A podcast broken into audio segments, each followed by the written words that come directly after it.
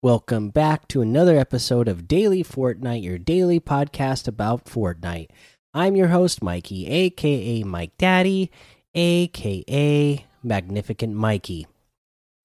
All right, so we had the FNCS kick off today, uh, the the open qualifiers. So go check that out. You know, remember if you're watching that on Twitch and you're watching a channel that has the Twitch drops enabled, you will get that emoticon and spray, the FNCS logo, uh, for free just for watching.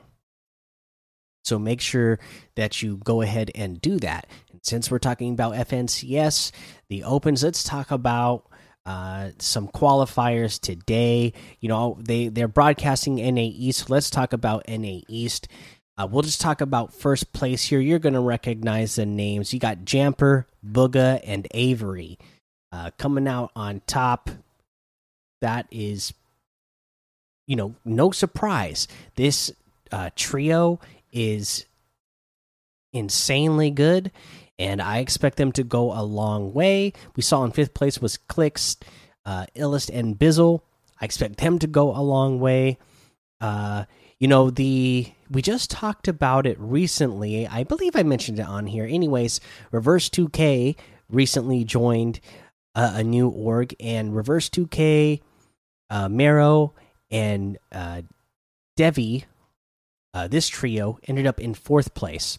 So we everybody remembers reverse 2k from playing a bunch uh, of duos in the past with ninja and how uh, you know, Reverse 2K is really good, and Ninja always kind of felt like he was holding him back because he didn't uh, practice uh, competitive Fortnite as much as Reverse 2K does. You know, he like Ninja wasn't going in and doing scrims and elite scrims and practicing with only the the best of the best. You know, he's a content creator, so he had his fans to uh, entertain as well. So he didn't feel like he could do that. You know, by uh, getting in there and doing and just doing scrims all the time.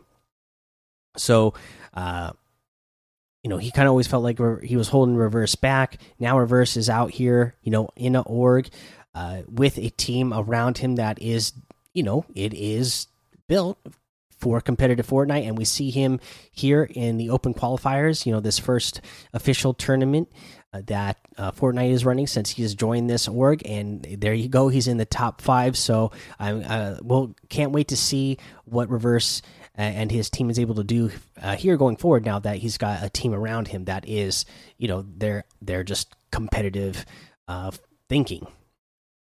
So that uh, was pretty fun to watch today. So make sure again, make sure you go watch that so you can check that out let's go ahead and talk about a challenge tip. And I mentioned that I had a YouTube video for it, but I don't think I actually uh, gave the tip for it here on the podcast. But that's to discover Tony Stark's Hidden Lake House Laboratory, and that is going to be over in G two. Uh, the well, the house is right on the edge there on G two and G three, right next to the uh, lake. It's on the east side of that big lake there. So you're going to land at that big house. You can land on the main floor, the first floor, and then break the floor and go down in. That is one way. Or if you go to the south side of the building, there there's like these really big bushes. You know the bushes, the kind of bushes that you can just stand in and hide. It's those kind of bushes, really big on the south side of the building there if you go through there, there's a little slope that goes down into the tunnel. There will be a metal garage door there that you have to break, but you know those door, those kind of doors only take like two hits to break. But you'll get right in there, and uh, I think it's faster than actually having to break through a wooden floor. So go ahead and do that. Easy challenge to get done. Uh, let's go ahead and take a break right here. Okay, now let's go over today's item shop. Still have the Skull Ranger and Skull Trooper outfit and items in here today, so all that stuff is still there. Uh, for the new items today, we got the John Wick outfit with the Assassin Pack back bling in here for 2,000 V bucks. Uh, I know they, you know, they kind of called him Boogeyman or whatever in the tweet they sent out, and yeah, he is a scary uh, good. He, I guess he's scary good at his job, a scary good assassin. But I think it's kind of a stretch for them to uh, include this in the uh, Halloween themed stuff. But uh, here he is. He is a great outfit, and I, I love the selectable style as well. So, you know, good, good uh, stuff in general. Uh, the Sofia outfit with the gun bag backbling for 1,500 here as well. The simple sledge harvesting tool for 500. The bulletproof emote for 200 the Be Seeing You emote for 200, and the Assassin Wrap for 300. Uh, we have the Recon Expert for 1,200 still in here. So, you know, if this is something you've been wanting for a long time, do not miss out now. You got the Birdie outfit for 800 and the Driver Harvesting Tool for 500. You have the Echo outfit with the True Reflection Backbling for 1,200. The Inversion Blades Harvesting Tool for 500 the Echo Jet Glider for 800, the Echo's Wrap for 300. You're going to have the Riley outfit with the Ghostly Back Bling for 1,200. Uh, the Scoop, uh, the, the Scoops and Slices um, bundle, which has this two scoops harvesting tool, the Vanilla Whip Back Bling, and the Caperoni Back Bling for 1,000. You have the Work It emote for 500, the Crimson Elite outfit for 800, the Billy Bounce emote for 500, and the Revel emote for 200. You can get any and all of these items using code Mike MikeDaddy M M M I K E D A D D Y in the item shop, and some of the proceeds will go to help support the show. Okay, so here's our tip of the day. Again, bringing it back to competitive Fortnite and trios, or, you know, if you are ever in the future doing any sort of team based game in competitive Fortnite, whether it's duos, trios, or squads, this tip is going to help you out a ton. It's going to help you avoid Storm Surge, all right? And they kind of talked about it and showed a clip of it on on the uh, stream today for the FNCS. So what you're gonna do is when you knock a player, you know you're gonna finish the elimination. You're gonna thir you're gonna thirst them, but you're not just gonna go for body shots. No, you're going for those headshots because they're gonna do a bigger amount of damage. Yeah, they only have 100 health, but you can do a bigger amount of damage. If you have a shotgun, you could potentially do like 180 damage uh, to a player who's already down, and that's going to put you, that's going to give your team a lot of damage so that you can stay above the storm surge limit. That way, you don't uh, end up having to take storm surge.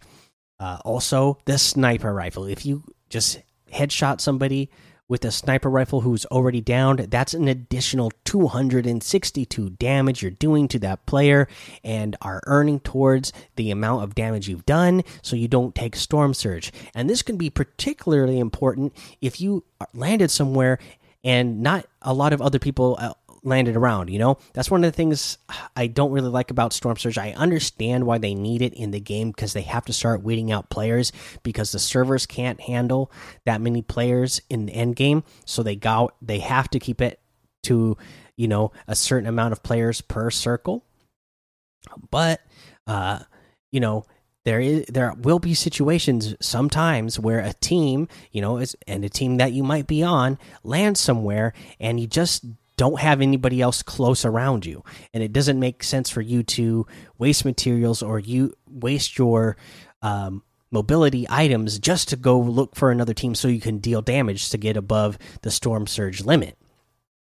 So maybe you do get lucky enough to come across one team or you know you or you maybe you only even down one person from that team. Maybe they accidentally got split apart somehow. You were able to take one of them down, and you know you dealt the damage to that player for downing them, and now you can get additional damage for dealing that headshot, especially with the sniper rifle to that down player, and that's really going to save you because, you know, again, if you don't run into another team or any other players for the rest of the time, uh, that would be really bad if you only had that one person uh, and only dealt you know 200 damage total. You could if that person had full health and full shield you could potentially get the 200 damage for downing them plus another 262 so 462 total on one on just on one player.